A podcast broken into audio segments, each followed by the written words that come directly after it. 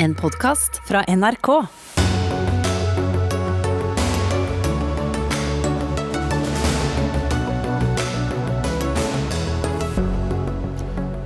Oljeskattepakken kan koste staten 30 milliarder kroner i tapte inntekter, viser en ny utregning. Oljeministeren er uenig og sier den tvert imot gir store gevinster for oss. I USA har komiteen som gransket stormingen av Kongressen, konkludert Donald Trump må forbys å stille til valg igjen. Og det kommer ikke til å skje, sier en av våre gjester.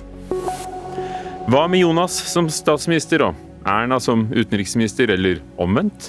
Vi ser på den nye danske regjeringen og om det er noe som vi kan lære av dem. Og kan en brukt gave være like fin som en ny? Flertallet synes det, men de færreste gir det. Velkommen til Dagsnytt 18 med Ugo Fermariello i studio, NRK P2 og NRK1. Og ja, den siste debatten vår gir jo et lite hint. Det er lille julaften. I starten av koronapandemien falt oljeprisen til under 20 dollar fatet, og alle utbygginger i olje- og gassbransjen som ikke var besluttet, ble satt på vent. Og For å hjelpe oljenæringen og tilliggende herligheter vedtok Stortinget midlertidige endringer i skattesystemet for olje- og gassindustrien i juni 2020. Og i løpet av den tiden er det kommet rekordmange nye utbygginger, men nå viser beregninger som Verdens naturfond i Norge har gjort, at pakken kan koste staten 30 milliarder kroner i tapte inntekter, som vi hørte i Nyhetsmorgen i dag tidlig. Terje Aasland, olje- og energiminister, hva sier du til disse beregningene som er blitt gjort? Alle prosjektene som er levert eh, til meg, er eh, lønnsomme eh, etter skatt. og Det viser jo at de beregningene kan egentlig legge litt bort. og Oljeskattepakka har fungert etter hensikten. Den har sørga for at vi har hatt aktivitet, sørga for at arbeidsplassene har vært trygge. Vi har unngått nedleggelser av verft, som f.eks. i Sandnessjøen. Og vi har også unngått store permitteringer og nedbygging av en veldig viktig leverandørindustri. I en tid hvor det var stor sannsynlighet for at det kom til å skje. Så denne oljeskattepakka den har fungert eh, veldig bra. Og det er viktige prosjekter vi nå har eh, fått levert inn til oss, og som vi skal behandle på en ordentlig måte i tida som kommer. Men selvfølgelig er de jo lønnsomme etter skatt. Det er derfor de har foreslått. Spørsmålet er kunne de vært mer lønnsomme for staten, eh, og likevel kommet på banen uten å gi disse skattelettelsene? Det som var viktig, det er at eh, når vi behandla denne oljeskattepakka, så var det behov for tiltak. Det var behov for å sørge for at vi trygga arbeidsplassene. Sørga for at verft eh, som er viktige nå og i tida framover, ikke ble nedlagt og nedstengt. Og Det var også veldig viktig at vi klarte å opprettholde sysselsettinga, nettopp fordi at da har vi sterke bedrifter som også eh, kan levere oppdrag i tida framover. Og det har vært viktig for denne regjeringen, og er viktig også i fortsettelsen for at vi skal klare også nye oppgaver etter hvert som som eh, de kommer eh, på bordet. Lars Haltbrekken, stortingsrepresentant fra SV. Viktig for å bevare arbeidsplasser i en usikker tid. Vi hadde da nylig sett eh, oljepriser på 20 dollar fatet. Mener statsråden er ikke dette en god investering? Nei, dette er en investering som kan koste Norge dyrt pengemessig, og verden dyrt klimamessig. Det vil føre til masse investeringer i olje og gass. Eh, og det i en tid hvor verden skal frigjøre seg fra fossil energi for å kutte utslippene av klimagassene, nå Parisavtalen og ta vare på den fantastiske kloden vår. Og da vet vi ikke om eh, disse prosjektene om 40-50 år, når de skal fortsatt levere olje og gass, vil være lønnsomme og ha nok eh, kjøpere. Så Det som har skjedd her, er jo at staten tar et eh, en betydelig større økonomisk eh, risiko med den oljeskattepakken. og Derfor så stemte SV mot den da den kom i 2020. For Det var jo sånn eh, at det var Erna Solberg-regjeringen som satt, men de fikk med seg da Arbeiderpartiet, Senterpartiet og Fremskrittspartiet i juni 2020 på dette forliket eh, om midlertidige endringer. Og Alle de prosjektene som blir meldt inn før 1.1, og det er ikke lang tid til, de vil ha glede av, av denne skattelettelsen som består av forskjellige ting ut sin levetid. Noen mener du har vært for sjenerøs, Terje Aasland, eller dere som vedtok det. Til og med Erna Solberg erkjente i høst at den var for raus med det de vet nå. Hva sier du til det? Nei, Vi har gjort en liten justering i det som er statsbudsjett, eller i denne friinntekten som, uh, som ligger i oljeskattepakka. Korrigert litt for uh, de ekstremt høye prisene som er nå. Men jeg har lyst til å understreke betydningen av sysselsettingen i olje- og gassnæringa. Og ikke men, minst helt, kan du være helt soleklar på det? Solberg sa at med det dere vet nå, så viste den seg å være unødvendig. Mener du ikke det? Hun uh, sa dette før vi la fram statsbudsjettet. Vi gjorde en korreksjon på uh, friinntekten i forhold til oljeskattepakka når vi la fram statsbudsjettet vårt. Det mener jeg var fornuftig og riktig. Men det er ingen tvil om at oljeskattepakka har virka etter sin hensikt. Den har trygga sysselsettinga. Den har gjort at vi har uh, bærekraftige, livskraftige bedrifter rundt omkring langs kysten som leverer viktige oppdrag. Oppdrag til prosjekter som kommer til å skape store verdier for Norge. Og, og som har skapt og, og, som store verdier for Norge. Jeg avbryter deg. Du, du sitter sitter i, i Porsgrunn, du Aasland. Men eh, jeg får lyst til å spørre deg om du mener at de verdiene da blir mer verdt for oss enn de 30 milliarder kronene som eh, WWF har regnet ut at vi kommer til å tape i proveny? Ja, De kommer på en tid hvor det var helt nødvendig å trygge sysselsettinga. Det er jeg veldig glad for at vi har klart å gjøre. Eh, og de kommer til å levere store verdier eh, til samfunnet i fortsettelsen.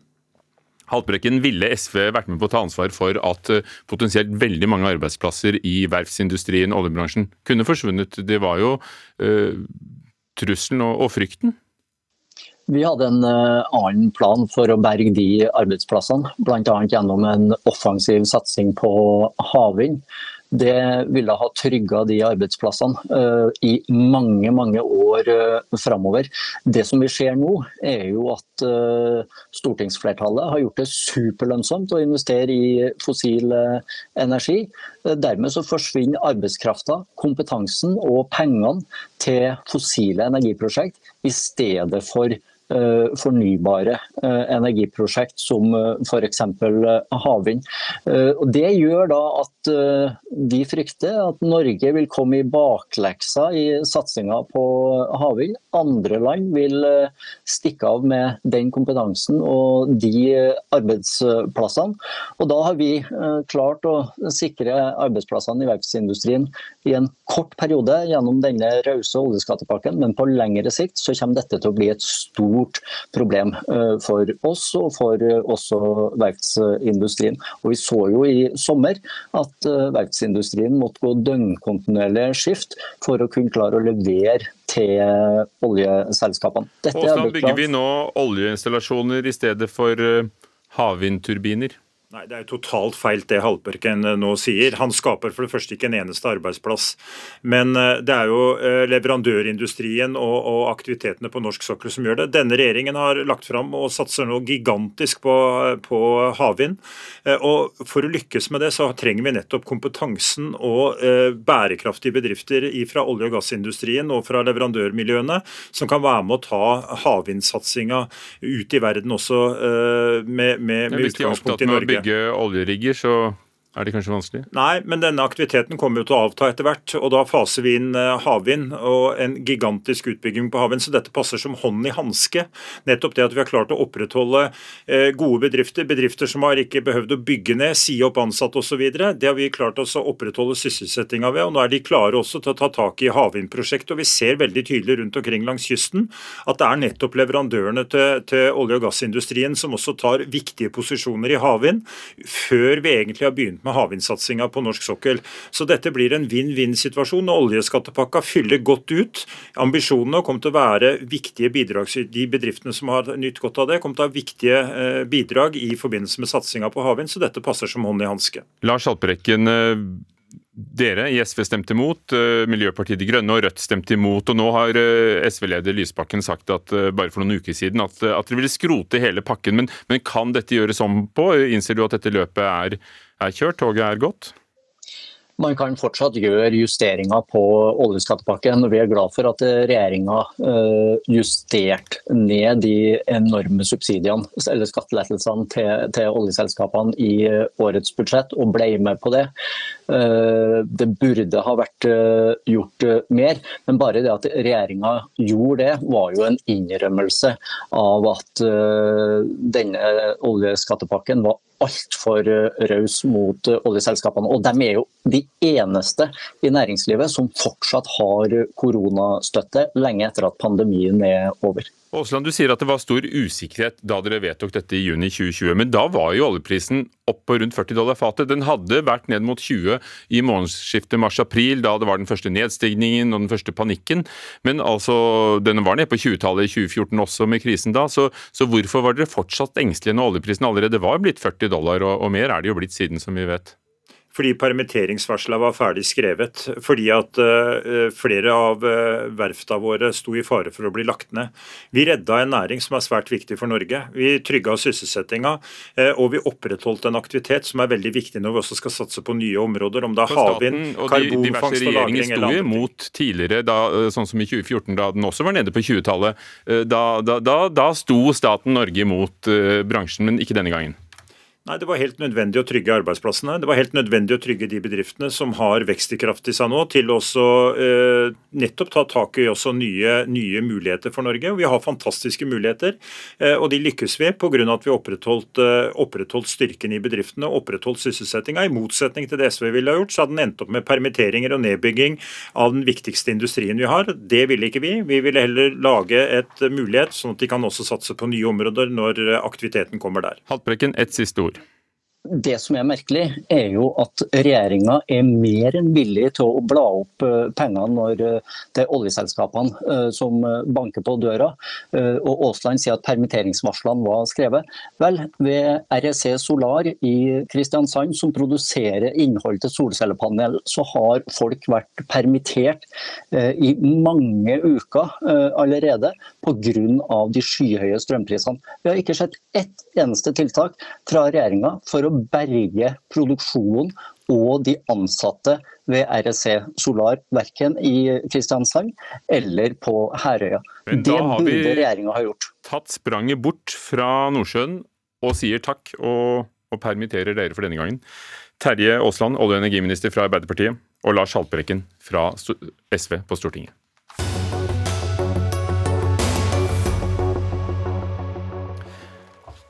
I natt norsk tid så kom den. Resultatet av den enorme granskningen som kongresskomiteen i USA har drevet med etter stormingen av Kongressen 6.1.2021.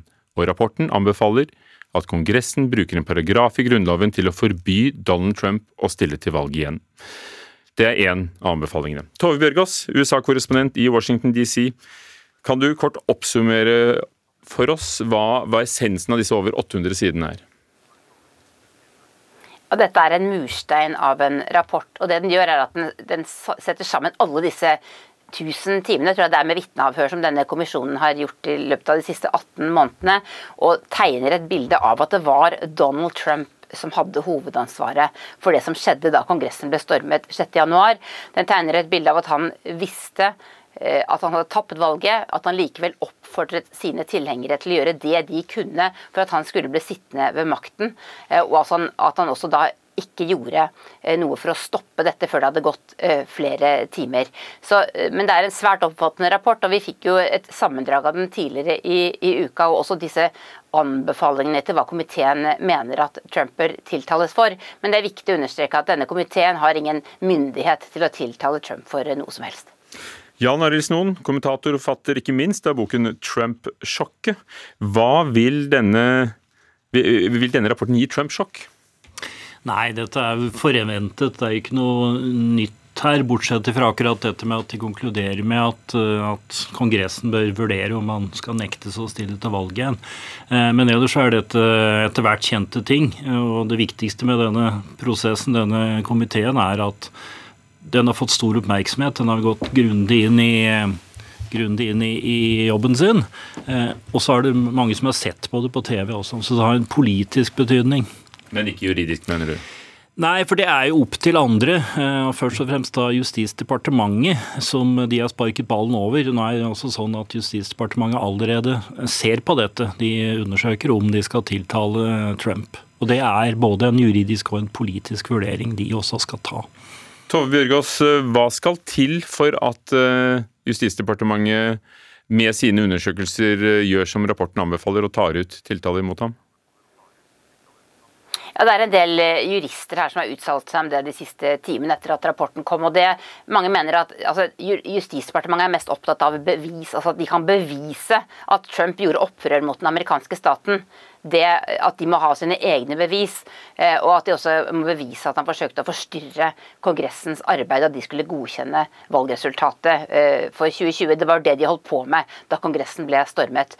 Så Det er det Justisdepartementet ser på. Og så er det et annet spørsmål som er viktig her, som mange er opptatt av, og det er om en tidligere president har immunitet. Altså om han kan bli straffet for en kriminell handling. Eh, og Det er det en føderal dommer som allerede har sagt at de mener at Trump kan i denne saken, fordi dette er en han hadde klare politiske motiver med det han gjorde, dersom de altså kan bevise at han er skyldig i disse handlingene. Så, så nå er spørsmålet hvor lang tid det vil ta, eh, hvor langt Kongress, Justisdepartementet har kommet i sin etterforskning. De, justisminister Mary Garland oppnevnte en spesialetterforsker i november som skal se på dette. Trump er altså allerede meldt seg som presidentkandidat i 2024, så det blir noen spennende måneder fremover å se hva Justisdepartementet kommer til å gjøre. Jan Eris Noen, eh, det med at Kongressen skulle forby ham å stille til, eh, til valg, det, det, er vel lite sannsynlig? Ja, det er, det er, av flere grunner. Det ene er eh, det er delte meninger om de faktisk har myndighet til å gjøre det. Også om man skulle bli dømt uh, i en sak. Men det er også nå blitt mer teoretisk fordi republikanerne jo har gjenvunnet flertallet i Representantenes hus. Og det er utenkelig at de ville gjøre det. Og det samme hvis denne saken gikk da for retten og kom helt i Høyesterett, hvor det er konservative dommere eh, i flertall? Nei, det er noe annet. For de er, ikke, de er ikke partifolk, de er ikke republikanere i den forstand. Eh, så det er et uh, juridisk spørsmål, ikke et politisk spørsmål. Tove? Ja, nei, det, det er nok ganske utvilsomt at Trump ville anke dette så langt han kan dersom han skulle bli, bli dømt. Eh, komiteen mener at det er en strafferamme på 25 års fengsel for noe av det han har gjort. Men som sagt, eh, det, som har vært i hele denne prosessen, er at Ingenting av dette har skjedd før i USA. Dette er en helt ny situasjon. Så jeg tror som noen er inne på, det, det politiske her er viktig. Disse høringene var viktige for at folk fikk se på TV rådgiverne til Trump som snakket om, eller hans nære medarbeidere som snakket om hvordan de opplevde disse dagene rundt 6.1. Eh, og så eh, er jo egentlig spørsmålet om Trump kan overleve dette politisk. Om han ikke blir dømt også, om, om velgerne virkelig ønsker seg han en gang til i Det hvite hus. Ja, dette må da synke inn. Altså, det har vært mye snakk om at denne komiteen er politisert. Det er bare to republikanere som er med, og Liz Cheney den mest kjente. Og ingen av dem sitter i Kongressen etter 1.1, for sånn gikk det med dem. Eh, den ene trakk seg, den andre ble ikke gjenvalgt. Eh, vil dette synke inn også over republikanske velgere og, og, og partiet? Det er, det er, en viss uh, tendens nå blant republikanske velgere til å si at vi, vi, får legge Trump bak oss. Det er ikke noe stort ønske om å ta en oppgjør med han, eller at han skal bli dømt, eller noen sånne ting, men, men det er en sånn eh, de ser han litt i bakspeilet etter hvert. Eh, og, og, ikke minst så tror jeg det er viktig at, at Trump ikke lenger er en, en vinner. En ting er at mange kan være med på at han egentlig vant i 2020, noe han jo ikke gjorde. Men han har jo da, åpenbart Hans folk tapte nå i november i mellomvalget, så han har fått taperstempel på seg. Og så har det da kommet en annen, eh, Ron DeSantis i Florida, som har vinnerstempelet. Så, så de er på vei til å komme seg forbi Trump, tror jeg. Eh, men det vet vi jo ikke enda. Det er ikke sånn at han kan Ehm, han er ikke sjanseløs til å vinne nominasjonen, eller heller ikke sjanseløs til å vinne presidentvalget. Men, men eh, retningen i USA nå er å komme i en sånn post-Trump-periode, altså etter Trump. For det baller jo på seg, Tove. Nå er det altså denne uken blitt kjent at selvangivelsen hans skal kunne offentliggjøres med noen strykninger. Eh, selskapet hans i New York er tiltalt, eh, og så dette. Hva viser meningsmålingene? Meningsmålingene blant republikanere viser at eh, et flertall eh, altså denne Ron DeSantis som noen er inne på, han har jo blitt veldig populær. Han er jo en relativt politisk eh, uerfaren eh, mann på nasjonalt nivå, men det var jo også Trump da han ble president. Men at flere republikanere ønsker seg han kanskje enn en Trump som presidentkandidat. Men det som blir spennende i det året som ligger foran oss nå, det er jo hvilke republikanere som kommer til å stikke hodet frem og si at ja, jeg vil gjerne utfordre Trump. Eh, tidligere så er det mange som har sagt at folk er skremt, de vil ikke eh, stille hvis han stiller. Men nå ser vi at mange vurderer dette, eh, og, og, det er jo nøkkelen for om dette partiet skal komme seg videre gjennom det som de har vært i. Eh, og, og, som sagt, i hvor stor grad vi tar et oppgjør med Trump da, det, det vet jeg ikke. Men han har jo nå altså både disse etterforskningen, disse konklusjonene til komiteen hengende over seg, men ikke minst også eh, saker om, om skatteunndragelser og, og, og, da eh, denne eh, dommen mot, mot eh, eller, Unnskyld, altså at, at selskapene også er i hardt vær eh, økonomisk, også i domstoler. Så det, det, det, er mange saker som kommer til å rulle og gå, mens han også nå fortsetter å, å, å jobbe for å bli presidentkandidat igjen. Så Snoen, du kan kanskje ikke bruke tittelen Trump-sjokket til din neste bok om amerikansk politikk? Nei, den har jo undertittelen 'Kan man vinne igjen', da. Så Vi skal ikke avskrive det, men jeg tror ikke det blir sånn. Jan Arild Snoen, kommentator og forfatter, takk skal du ha. Og Tove Bjørgaas med fra Washington.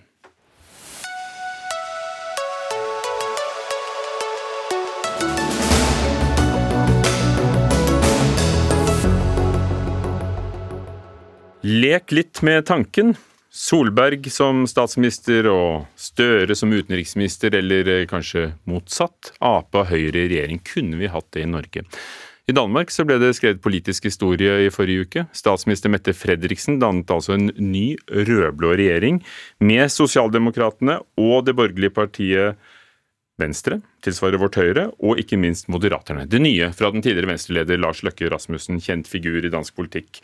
Og dette skjedde etter lange forhandlinger og er dette en varig politisk endring, eller eh, kanskje noe som eh, bare faller ned på jorden? Kristin Clemet, daglig leder i Civita. Politisk jordskjelv skriver du i, i, Aftenposten om det som har skjedd i, i Danmark, og, og, sammenligner dette med TV-serien Borgen, om det indre livet på, på Kristiansborg, eh, Folketinget. Ja, det er jo en veldig stor begivenhet, politisk begivenhet. Og dette strekker seg tilbake til valgkampen i 2019 i Danmark, da Lars Løkke Rasmussen var statsminister og leder for partiet Venstre.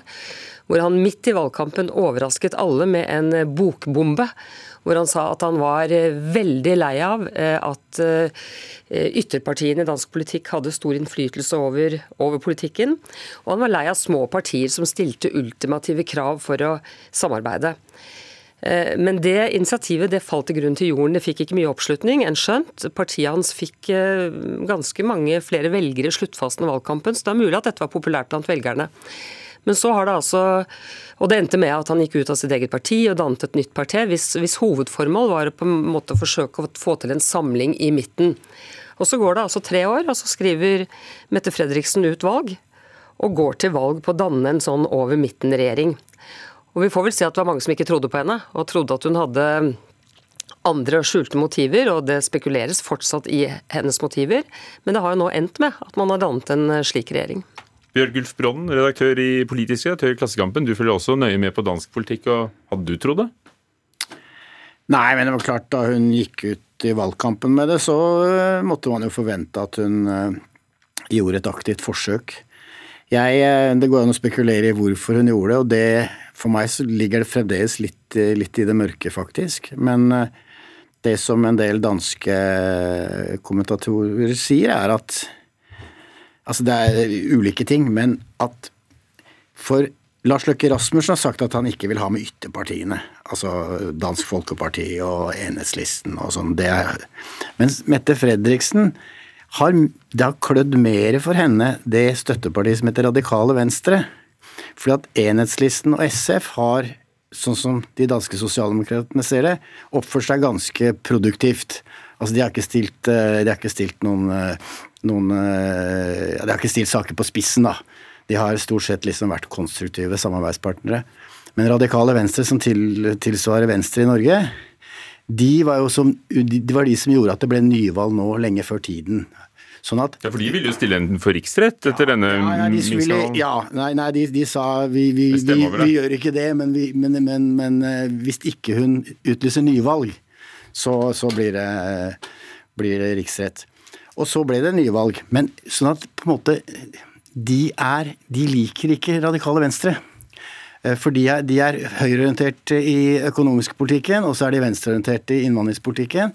Sånn at det, det sies at at Venstre, da, da var det De orket ikke å sitte en periode til med å ha det partiet som hele tiden liksom lagde bråk og problemer for dem.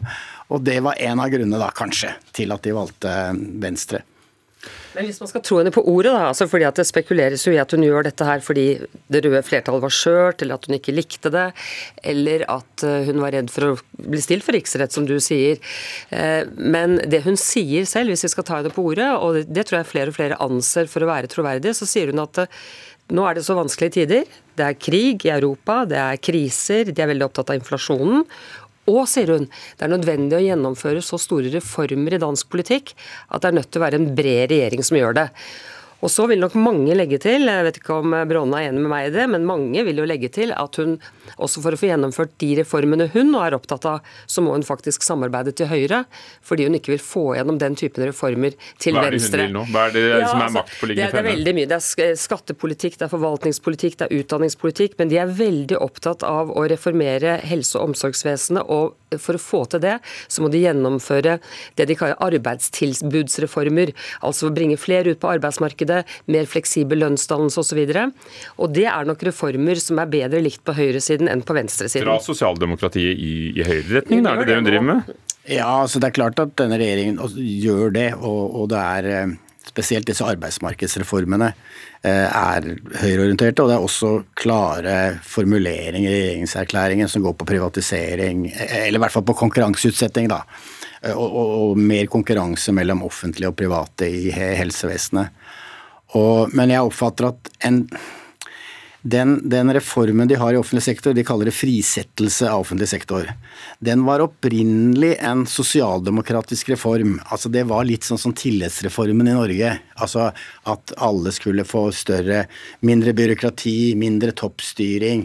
Alle, alle ansatte i, i, offentlig sektor skulle få mer makt over sitt, si, si, sin arbeidsplass og, og sånne ting. Så, så den har en den har en slags sosialdemokratisk begrunnelse i, i bunn, men så tror jeg at, at eh, regjeringsforhandlingene så har, har, på en måte også en del av høyresidens ønsker kommet inn i den pakka som heter frisettelse. Da. Og der tror jeg vi kanskje kommer til å virkelig se noe, for ministeren, for helseministeren er kommer fra Venstre. Sånn at der, der, har ikke hun kontrollen, som hun f.eks. har på utdanningsfeltet. Men, men, Men det som er interessant med noen av de reformene, er for at hvis hun begrunnet dette, denne regjeringen over midten ba, ba, bare med kriser og krig, så kan man si at da kunne den høres veldig temporær ut, veldig midlertidig ut. Men det å komme med denne typen reformer og si at det er begrunnelsen, dette er reformer som vil ta årevis å gjennomføre, og det gir jo helt andre perspektiver på hva denne regjeringen skal være. Det høres det mer varig ut. og det er jo...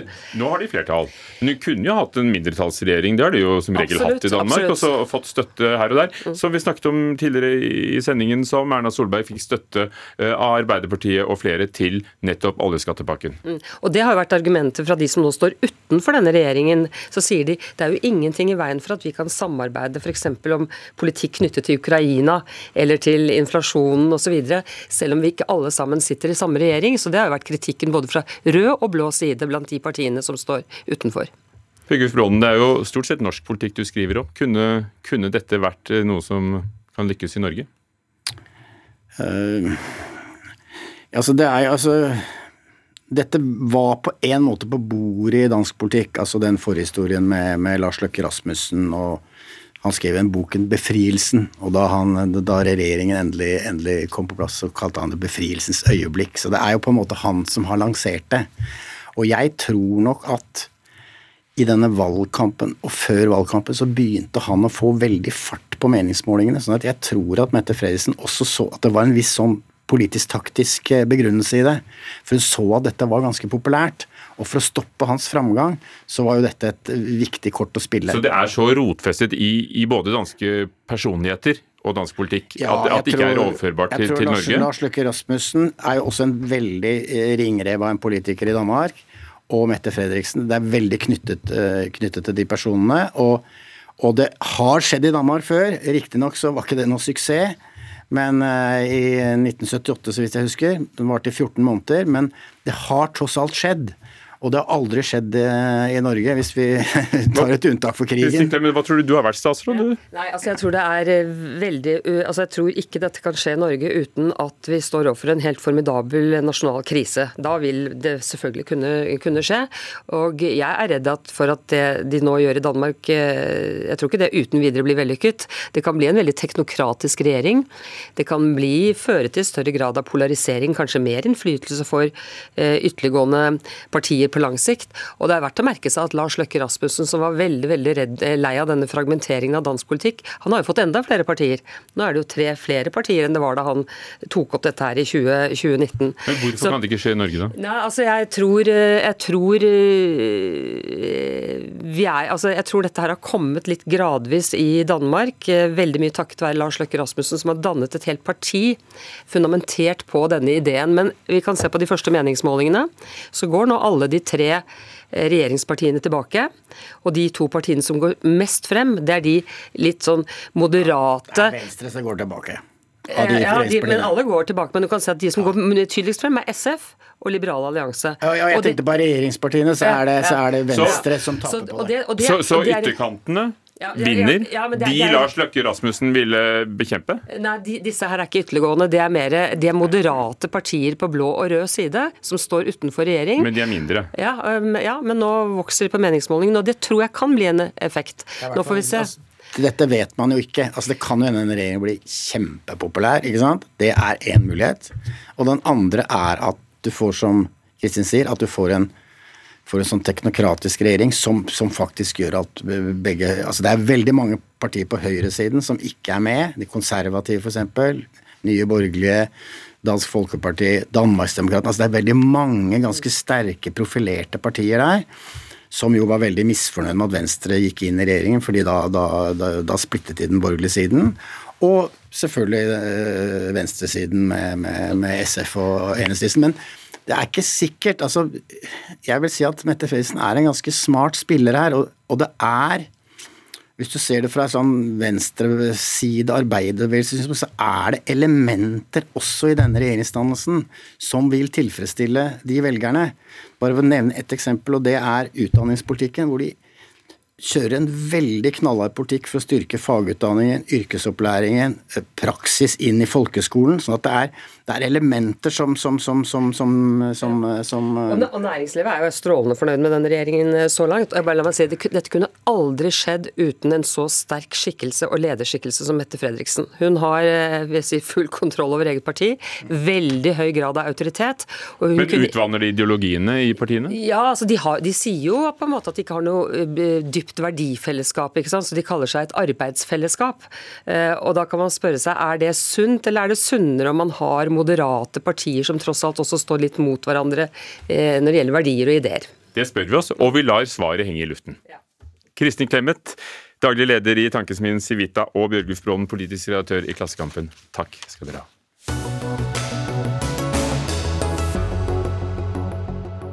MDG kaller Norge for en krigsprofitør, og mener alle milliardene vi tjener ekstra på økte olje- og gasspriser i år og neste år bør gå til et eget solidaritetsfond. Det anslår de vil utgjøre 2000 milliarder kroner som kan brukes bl.a. til hjelp og gjenoppbygging i Ukraina. Men ikke bare, også hjelp til utviklingsland som rammes av de økte matvare- og energiprisene som følge av krigen i Ukraina.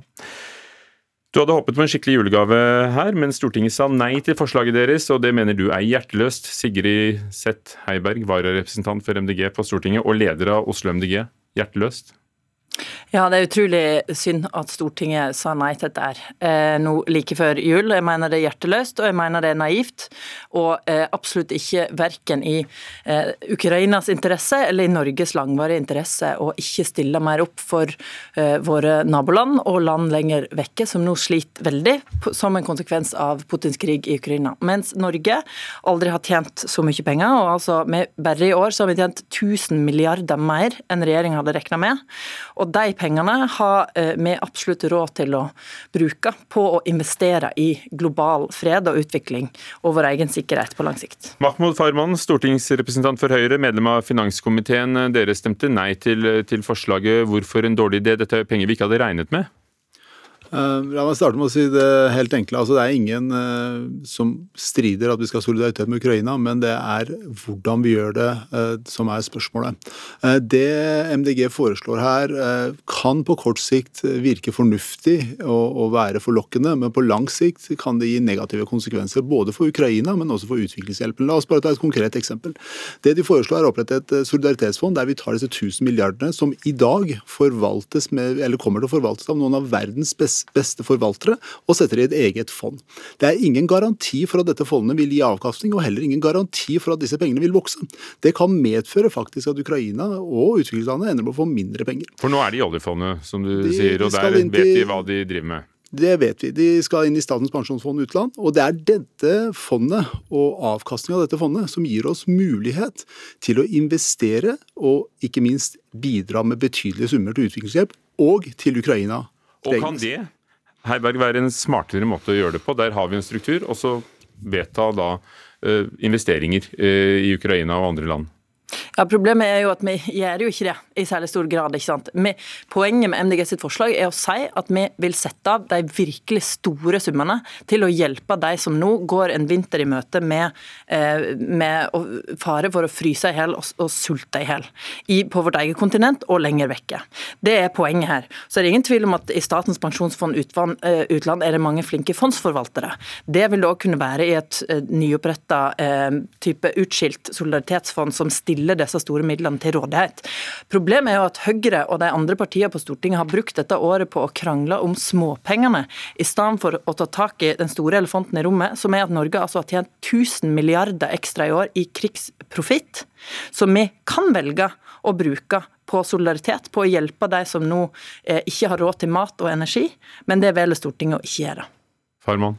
Eh, la meg bare legge til at eh, det som er litt underlig med MDGs forslag, er at det faktisk pågår et arbeid med å se på en pålitelig, langsiktig løsning for Ukrainas oppbygging og ikke minst humanitære hjelp over tid.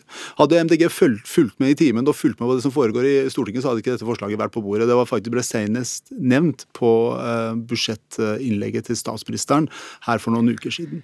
Og Der er det jo bred enighet i Stortinget. Det som MDG beskriver som krangling om småpenger, uh, det er jo direkte feil. Det har vært bred enighet i Stortinget om å gi hjelp til Ukraina både militært, humanitært og ikke minst til gjenoppbygging. Det som er utfordrende Utfordringa med MDGs problem igjen er at det, det bryter med det grunnleggende som MDG har forfekta over tid, nettopp dette generasjonsperspektivet. Hele poenget med oljefondet er generasjonsperspektivet, der vi kan ha pengene i et fond og over tid bruke det på fremtidige generasjoner, både her og andre steder. Mens MDG er opptatt av generasjonsperspektivet i klimasammenheng, så er de helt frarøva det, det blikket og det synet i økonomisk sammenheng. Med respekt å melde, ehm, og som jeg sa i mitt innlegg på onsdag i finansdebatten, så er det sånn at vi er glad for at SV har fått gjennomslag i eh, budsjettforhandlingene for at det skal startes et arbeid for å vurdere og se på et rammevilkår osv. for å bistå Ukraina utover våren. Hvor du er ikke blir brukt like mye som hvis det, står på et eget fond? For du vil ikke bruke 2000 milliarder kroner, du vil bruke avkastningen av det?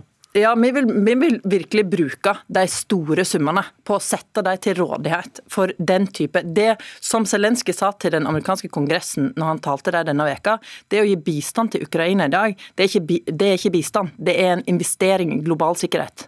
Og det er det vi ønsker å sikre, at Norge setter de store midlene til de viktige internasjonale sakene. Vil dere bruke 2000 milliarder kroner i dette forslaget, vil du sette på et fond og så bruke avkastningen? Ja, det, det er det siste vi vil gjøre. Og, og da kan vel de like gjerne stå på oljefondet, som Farahman sier, og så vedtar man det suksessivt? Men, men, vi må faktisk sette dem av for å kunne brukes. Når FNs matvarefond i dag ber om penger nå til akutt hjelp til folk som er i nød og trenger mat, så må vi viser helt tydelig at vi har satt pengene av. De er tilgjengelige til å brukes. Farman, du rekker opp blyanten i Porsgrunn. Jeg, jeg, gjør det. Du tok jo litt av poenget mitt her. Altså, dette her er jo litt underlig å høre på, som jeg sier innledningsvis. Det er ingen garanti for at den forvaltninga som MDG tar til orde for, vil gi den avkastninga de nå skisserer. Det kan faktisk ende med at avkastninga blir lavere. Som jeg sa innledningsvis, Statens pensjonsfond utland og Statens pensjonsfond Norge forvaltes av noen av Europas og muligens verdens beste forvaltere. Men er Hvorfor dere, Farahman, villig til å bruke like mye penger uh, på på å avhjelpe følgene av Ukraina-krigen, har... hvis, de sto på et eget fond og det var solklart at disse pengene skal gå til det? Som, har, som jeg sa innledningsvis her også, det er ingen i tvil om at man skal vise solidaritet med Ukraina og hjelpe dem, men det må skje langsiktig, det må være forutsigbart, og være systematisk. Det som MDG nå foreslår, er bare en videreføring av politikk de har hatt tidligere, som har vært mer eller mindre å avvikle hele Statens pensjonsfond utland, eller gi det bort. Det er ikke bærekraftig verken i, for, i generasjonsperspektivet for Norge eller for kloden generelt. Det farer man ikke ta inn over seg, det er at Norge i dag bidrar mye mindre enn det vår størrelse skulle tilsi til f.eks. Ukraina.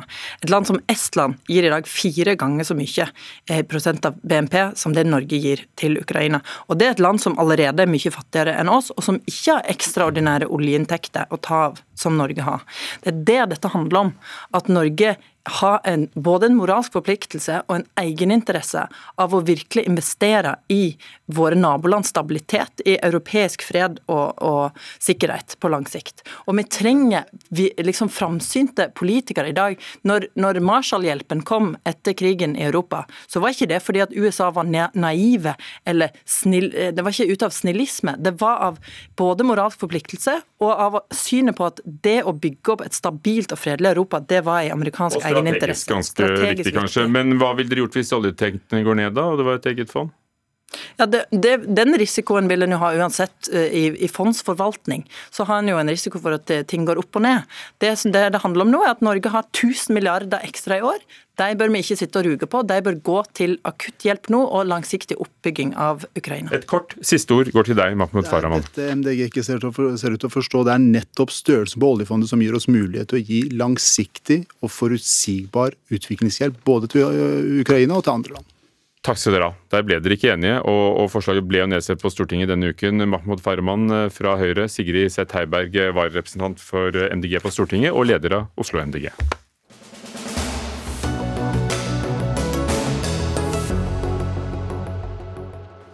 Miljøorganisasjonene utfordrer norsk landbruks grunnstruktur. Det er et sitat, og det var nemlig påstanden fra lederen fra Norsk institutt for bioøkonomi, NIBIO, blant venner, under en konferanse om bærekraft for noen uker siden. Og det har fått en av de fremste bærekraftentusiastene i Norge til å reagere. Anja Bakken Riise, det er det jeg tenker på, leder i Framtiden våre hender. Eh, tolket du dette som om de ser på dere som en trussel for landbruket? Ja, det er definitivt det etterlatte inntrykket her. Men dere vil vel sikkert forandre grunnstrukturen i norsk landbruk? Det er veldig mye vi vil holde fast, eh, mye vi skal bygge videre på, men det er også noen ting vi vil endre på. Eh, og det vi syns er spesielt i en tid som nå, der bønder er ekstremt pressa fra mange kanter. Altså De står i front i møte med klima- og naturkrisa. Eh, de har blitt pressa fordi at vi har et volumfokusert innretning på landbrukspolitikken. som gjør at vi altså har fått en... mye mat?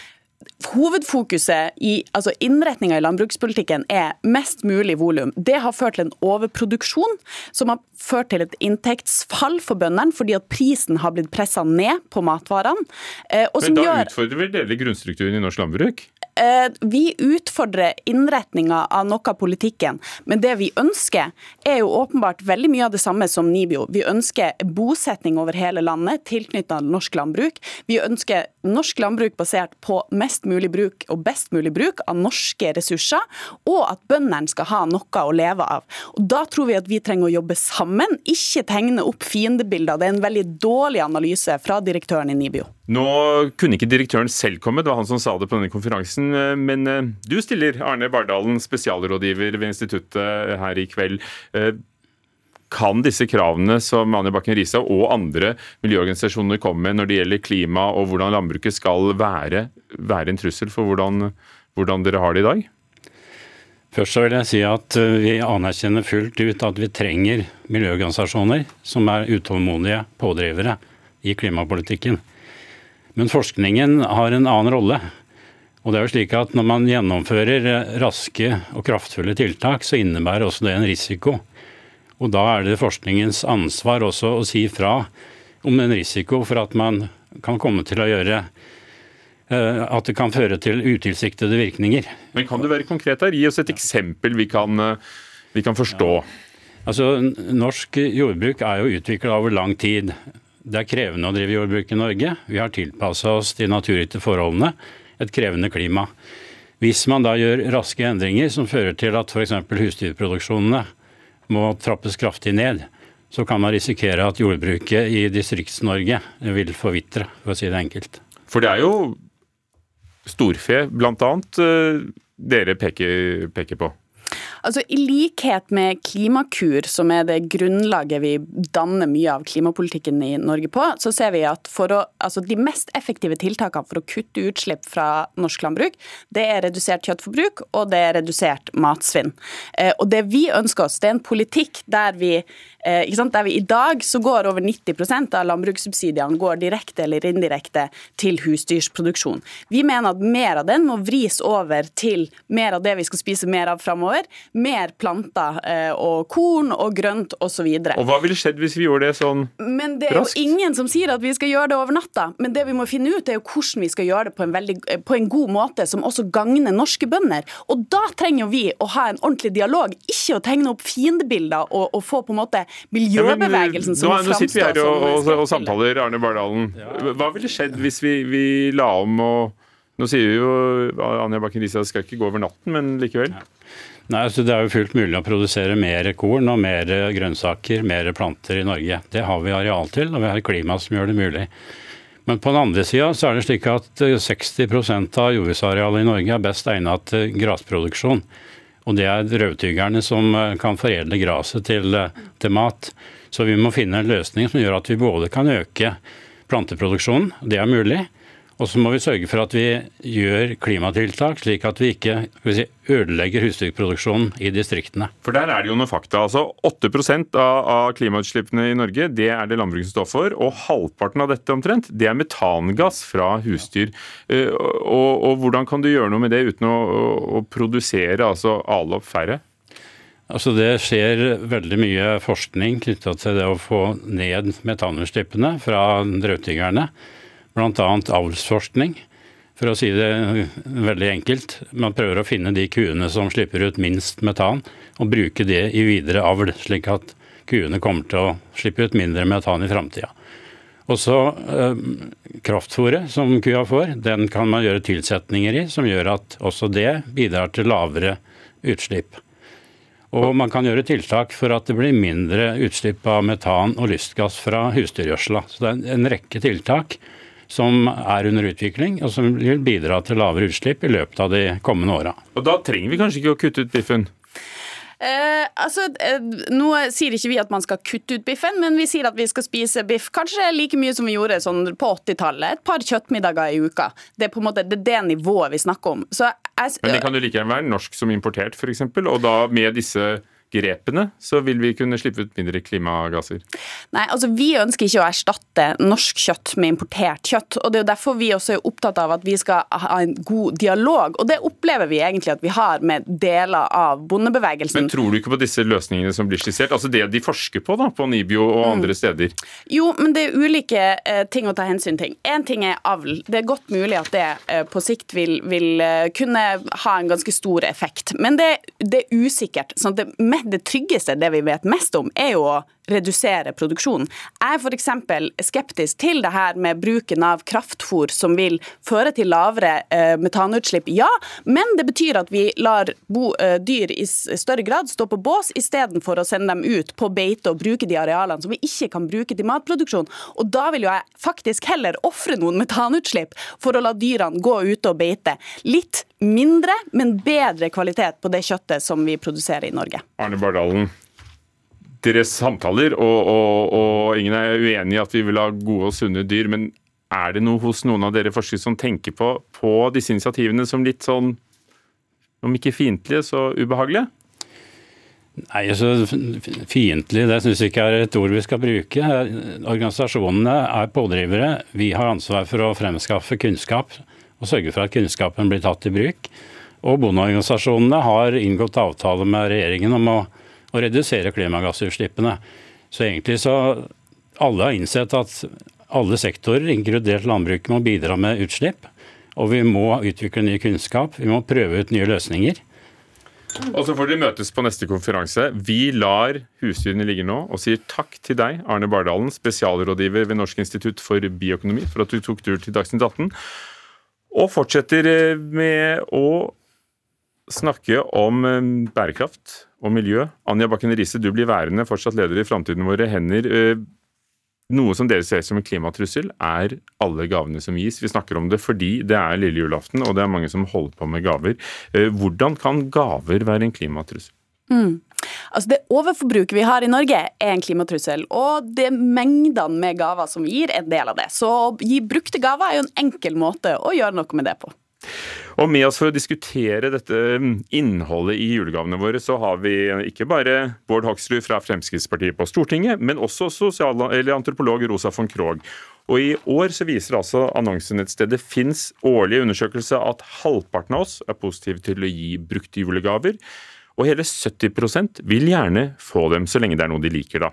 Sterk økning, sier de. Hva har det å si for klima og miljø hvis vi i det hele tatt endrer eh, vanene våre? Mm. Altså Det har veldig mye å si. Virke sine analyser tilsier at vi kommer til å bruke 124 milliarder kroner eh, på julehandelen i år. Så det er klart at hvis vi klarer å eh, bytte ut, altså å ikke måtte ta ut nye ressurser ut av jordskorpa for å produsere nye ting som kanskje blir liggende i skuff og ikke blir brukt i noe særlig grad, og bytte ut det med brukte gaver, så kan det ha en kjempe klima- og miljøgevinst. Bård Hoksrud fra Fremskrittspartiet, det er de mellom 40 og 49 år som gir eh, oftest en uh, brukt julegave. Gjør du det? Du er akkurat i ytterkanten av det sjiktet? Jeg, jeg er nok ikke veldig god på det, men jeg syns jo at det er bra, og folk må få lov å gjerne gi bort det hvis de ønsker det. Jeg synes jo det er det er bra, det, men vi skal også huske at vi har en handelsnæring med mange tusen ansatte også, som gjerne trenger at eh, folk kjøper nye ting òg. Så tenker jeg sånn at det viktige er at folk får lov å velge det de ønsker å gjøre. Og så ser jeg at det er en trend blant kanskje spesielt mange unge, og faktisk også eldre, så jeg på denne undersøkelsen, som ønsker å kjøpe brukt og gi bort brukte gaver. og Det handler om hva den som får gaven, hva den syns. og Hvis den er veldig godt fornøyd, så gjør jo det ingenting om det er brukt eller nytt. Det handler jo egentlig om hva den som får gaven, eh, syns. Mm. Altså, Vi står midt i en klima- og naturkrise. og Hvis alle i verden skulle hatt det forbruket som nordmenn flest har, så hadde vi trengt 3,4 eh, jordkloder. og Det tror jeg Hoksrud og jeg er enige om at det har vi ikke. Eh, så Da handler det om å finne løsninger for å få oss innafor et forbruksnivå som planeten tåler. Og Da eh, vil jo store deler av norsk handelsstand si at vi trenger løsninger for å gå fra dagens bruk-og-kast-økonomi til en mer sirkulær økonomi. Det er ikke sånn at norsk handelsstand må være avhengig av å selge nye ting. Da må vi være med å utvikle forretningsmodeller som gjør at vi kan kjøpe brukt, leie, låne, dele osv. Det er også en del av økonomien, og da, da behøver det ikke gå så veldig utover handelsstanden?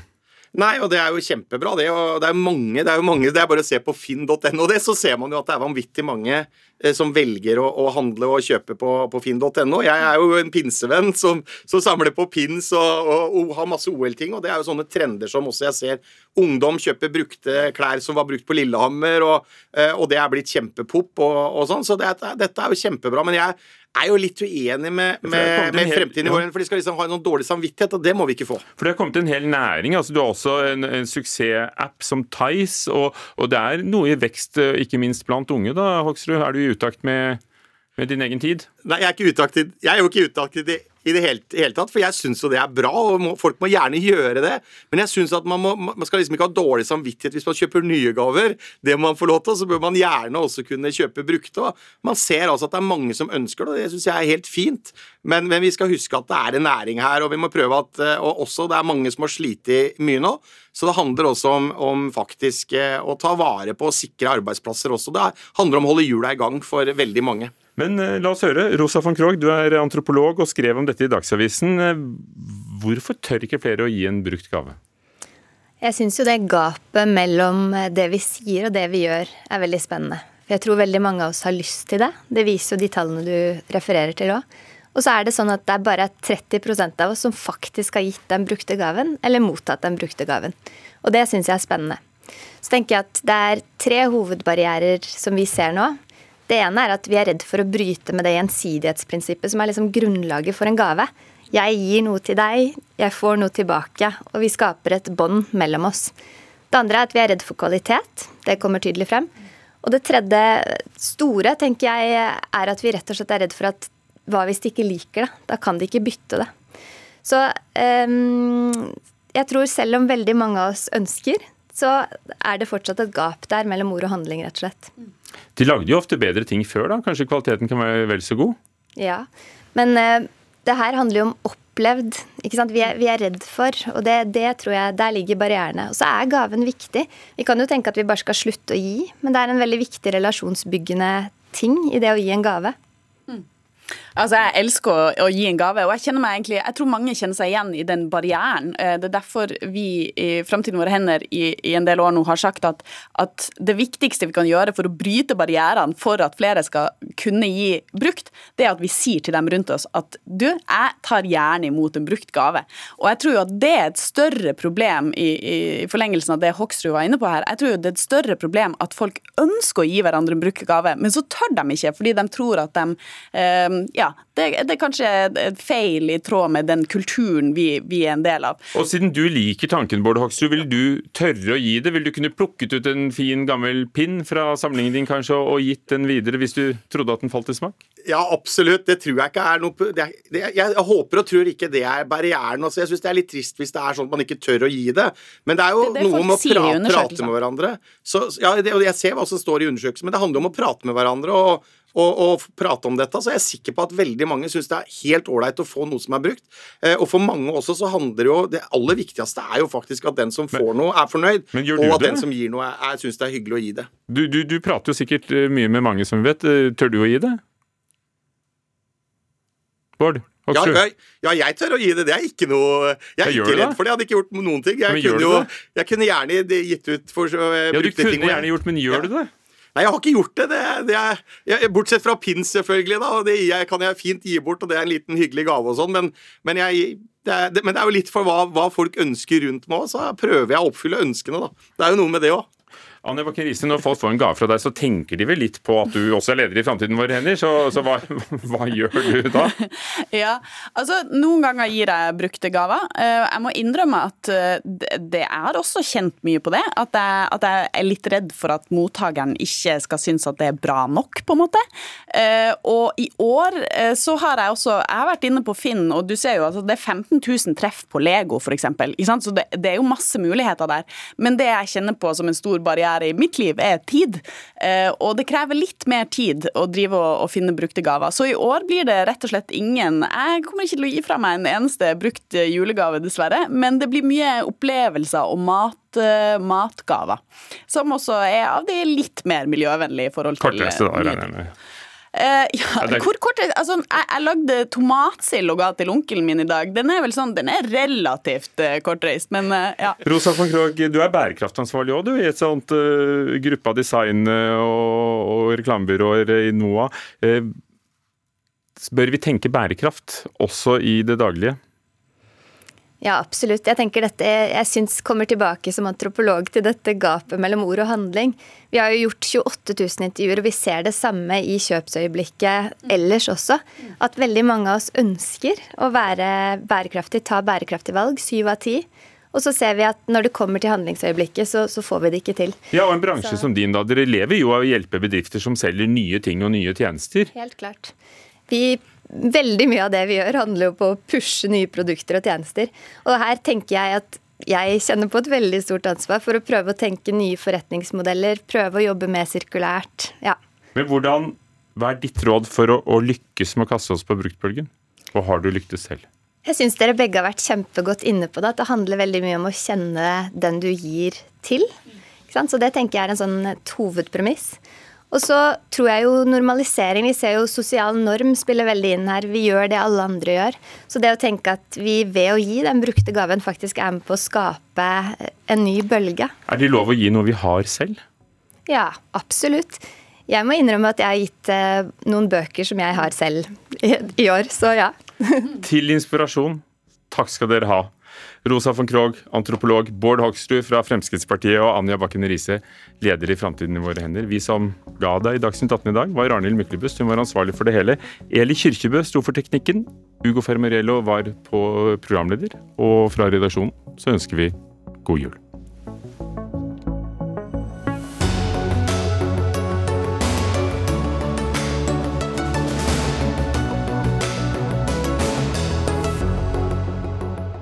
Du har hørt en podkast fra NRK. Hør flere podkaster og din NRK-kanal i appen NRK Radio.